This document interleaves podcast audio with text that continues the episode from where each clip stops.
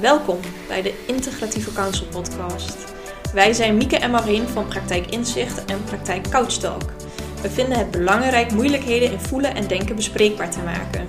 Een voorbeeld hiervan is dat je je ongelukkig voelt en dat je piekert. Dit voorbeeld en andere voorbeelden zullen besproken worden in deze podcastserie. In de Integratieve Counsel podcast leer je van alles over jouw eigen gebruiksaanwijzing en hoe je deze voor jezelf in kunt zetten. Hey, welkom bij weer een nieuwe aflevering van de Integratieve Counsel podcast. Deze aflevering gaan we het hebben over communicatie. Dat is een behoorlijk groot onderwerp, want in feite doen we dat bijna de hele dag. Ja, we zullen dus ook vast niet alles bespreken. Uh, we hopen wel dat je aan het einde van de aflevering een inzicht hebt in ja, hoe je met een ander communiceert en mogelijke manieren daarvan. Ja, alles in één aflevering is inderdaad niet te doen. Nee, en wel leuk om te weten. Uh, wij nemen deze aflevering nu op via Zoom. En normaal zitten we gewoon bij elkaar. Um, en nou ja, dat is qua communicatie dus ook gewoon heel anders. Komen we mm -hmm. straks op. Uh, laten we beginnen bij het grootste onderscheid tussen verbale en non-verbale communicatie. Ja, dat is inderdaad een hele belangrijke. Verbale communicatie houdt in ja, communicatie met woorden. Dus eigenlijk alles wat je zegt uh, met woorden is verbale communicatie. Wil jij uitleggen wat non-verbale communicatie is? Ja hoor, ik zat al heel hard te knikken. Dat zagen jullie natuurlijk niet. Dat knikken dat valt onder non-verbale communicatie. Dus non-verbale communicatie is eigenlijk ja, de rest. Alles behalve wat je met woorden zegt. Dus bijvoorbeeld uh, de toon waarop je iets zegt, uh, spreektempo, gebaren, uh, nog meer? ja, mimiek. En gebaren kunnen ook signalen zijn. Ja, zoals je duim opsteken om aan te geven dat iets goed is. Mm -hmm. Ja, precies. En net als verbale communicatie is dat niet per se internationaal. Nee. nee, of je hand opsteken van ho, stop, of wenken van, um, nou, kom mee. Uh, en dat zijn signalen omdat wij daar een betekenis aan hebben gegeven vanuit onze culturele achtergrond.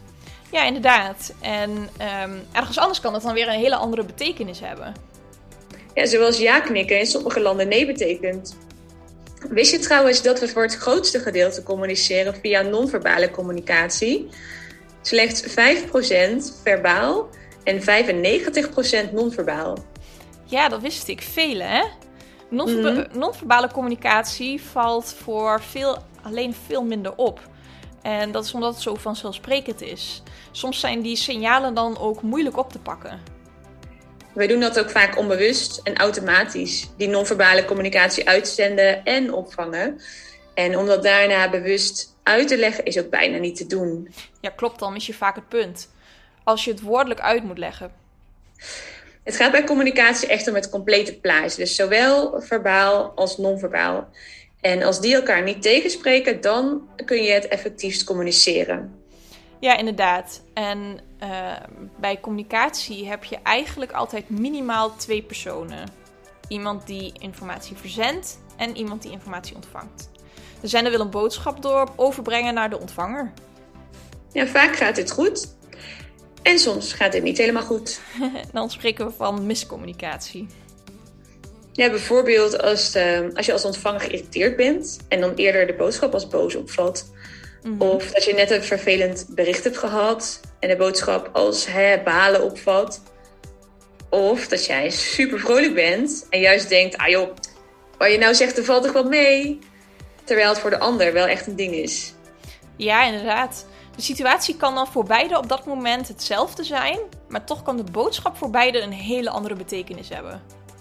Mm -hmm, bijvoorbeeld als je iets aardigs, uh, als je als zender iets aardigs wilt zeggen, um, en dat de ontvanger daarvoor een rotbericht heeft gehad, en dat je dan in jou, jouw ogen als zender um, iets aardigs zegt, terwijl de ontvanger daardoor juist geïrriteerd raakt. Mm -hmm. Dus de letterlijke situatie um, jullie zitten samen op de bank, bijvoorbeeld, is dan voor beide hetzelfde. Mm -hmm. En jullie ervaring maakt dan hoe de communicatie overkomt. Ja, bijvoorbeeld wanneer je net je baan hebt verloren. Uh, ja, daar baal je dan natuurlijk ontzettend van. Mm. Uh, en iemand zegt, ah, je vindt wel weer iets anders. Ja, dat wil je op dat moment misschien helemaal niet horen. Ehm, en dan kan het bij jou irritatie opwekken. En wil je liever dat iemand je steunt door te zeggen van, ah, dat is balen. Terwijl de ander het eigenlijk wel heel goed bedoelt en steunend bedoelt.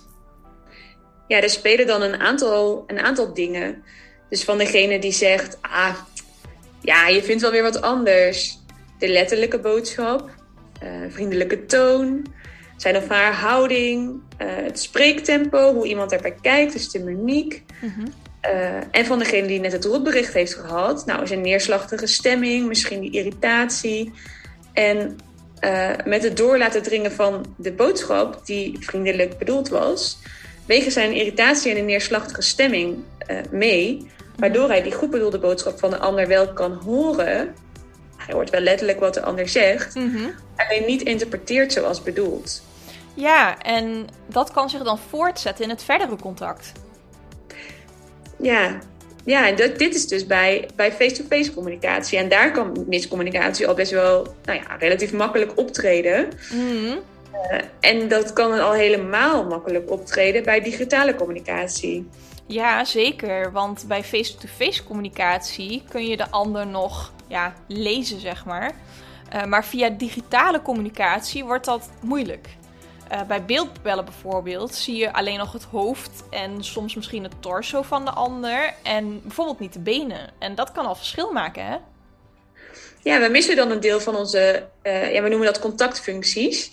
En dat zijn dus functies waarmee je contact maakt. Dus bijvoorbeeld spreken, uh, horen en luisteren, aanraken, bewegen, zien en kijken. En nou ja, zien en kijken kan online alleen beperkt. Je ziet dus mhm. inderdaad maar een deel van iemand en niet of iemand zenuwachtig met zijn voeten aan het tikken is. Mm bewegen zie je ook beperkt. Want alleen als iemand voor de camera met zijn handen zit te zwaaien of weet ik veel, dat zie je. Mm aanraken kan niet digitaal. Mhm. Horen en luisteren gaat meestal oké, behalve als het geluid hapert of de stem vervormt. En voor spreken geldt hetzelfde. Ja, ja dus gedeeltelijk is communicatie dan nog hetzelfde als face-to-face. maar toch valt er ook uh, een en ander weg. Ehm, ja, wanneer berichten binnenkomen via WhatsApp of sms gaat het dan eigenlijk nog een stapje verder. Ja, en vooral de, de non-verbale communicatie, waar we dan, waar we normaal gesproken dus die 95% van onze informatie uithalen, mhm. ja, die valt dan weg. Digitaal al voor een groot deel en via WhatsApp en e-mail al helemaal. Ja, en um, de, die emoticons die we dan gebruiken bij WhatsApp, dat maakt het gemis dan ook niet goed, hè? Ja, nou, nou, je kan er wel wat mee verzachten. Um, en ook die emoties zijn geen letterlijke gezichtsuitdrukkingen of geven niet de toon weer waarop je iets zegt. Mm. Ze kunnen misleiden, uh, verbloemen, opleuken, verergeren. Het is nog steeds niet die non-verbale communicatie waar we normaal gesproken, nou ja, dus het grootste gedeelte van onze informatie uithalen. Ja, en dat kan dan ook weer zorgen voor miscommunicatie. Nou, het is een wonder dat het zo vaak wel goed gaat, de communicatie. ja, inderdaad. En ook al is er geen sprake van miscommunicatie per se, dan nog kan communicatie een uitdaging zijn.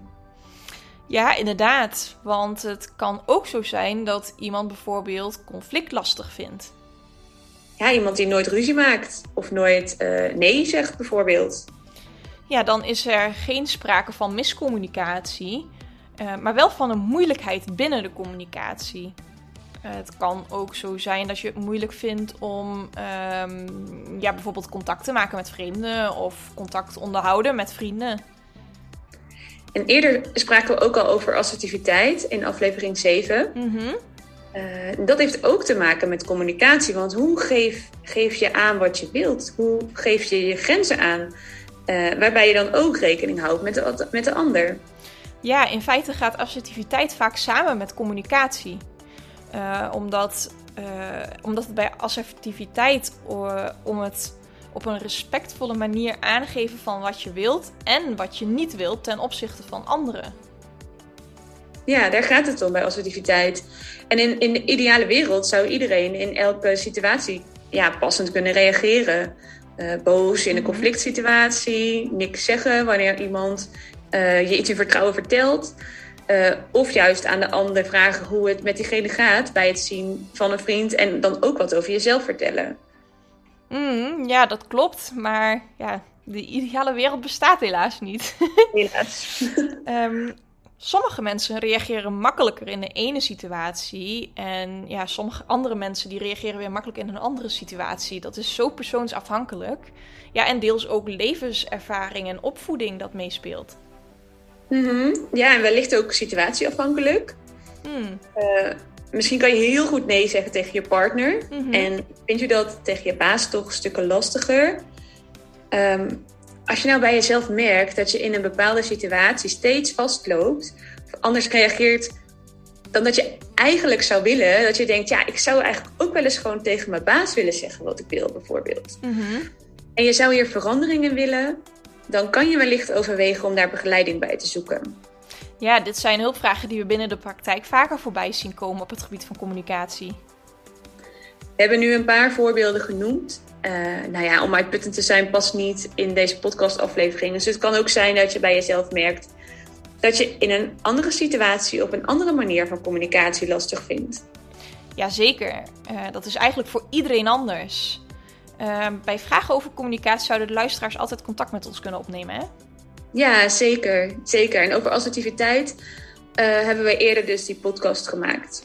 Ja, en die is terug te luisteren bij aflevering 7. En uh, ook daarover zijn wij eventueel bereikbaar bij vragen en of suggesties. Ja, communicatie is en blijft een heel breed onderwerp. En vandaag hebben we daarvan een, stuk, een tipje van de sluier opgelicht. Um, nou ja, volgende week weer een kijkje in de keuken bij uh, een integratief therapeut voor volwassenen. Ja, zeker. En binnenkort staat ook een aflevering op de planning over groepscommunicatie. Dat is toch echt wel wat anders, hè? Ja, ja. Ja, mocht je dat nou interessant vinden, van nou ja, hoe gaat dat nou in groepen en wat speelt er nou allemaal? Um, nou, hou dan onze socials in de gaten of volg ons op Spotify, op Apple Podcasts tegenwoordig ook. Ja. En uh, sinds deze week ook op Google Podcasts. Ja, tot gauw weer bij een nieuwe aflevering. Tot snel! Bedankt voor het luisteren naar de Integratieve Counsel podcast. Mocht je je afvragen of integratieve counseling iets voor jou zou kunnen betekenen, neem dan gerust contact op met Praktijk Inzicht of Praktijk Couchtalk. Of bij vragen over de inhoud van de podcast, laat een comment achter. Hopelijk tot volgende week bij een nieuwe aflevering van de Integratieve Counsel podcast, waarin je jouw eigen gebruiksaanwijzing leert kennen. Wil je direct op de hoogte zijn wanneer er een nieuwe aflevering online komt? Abonneer je dan op ons kanaal.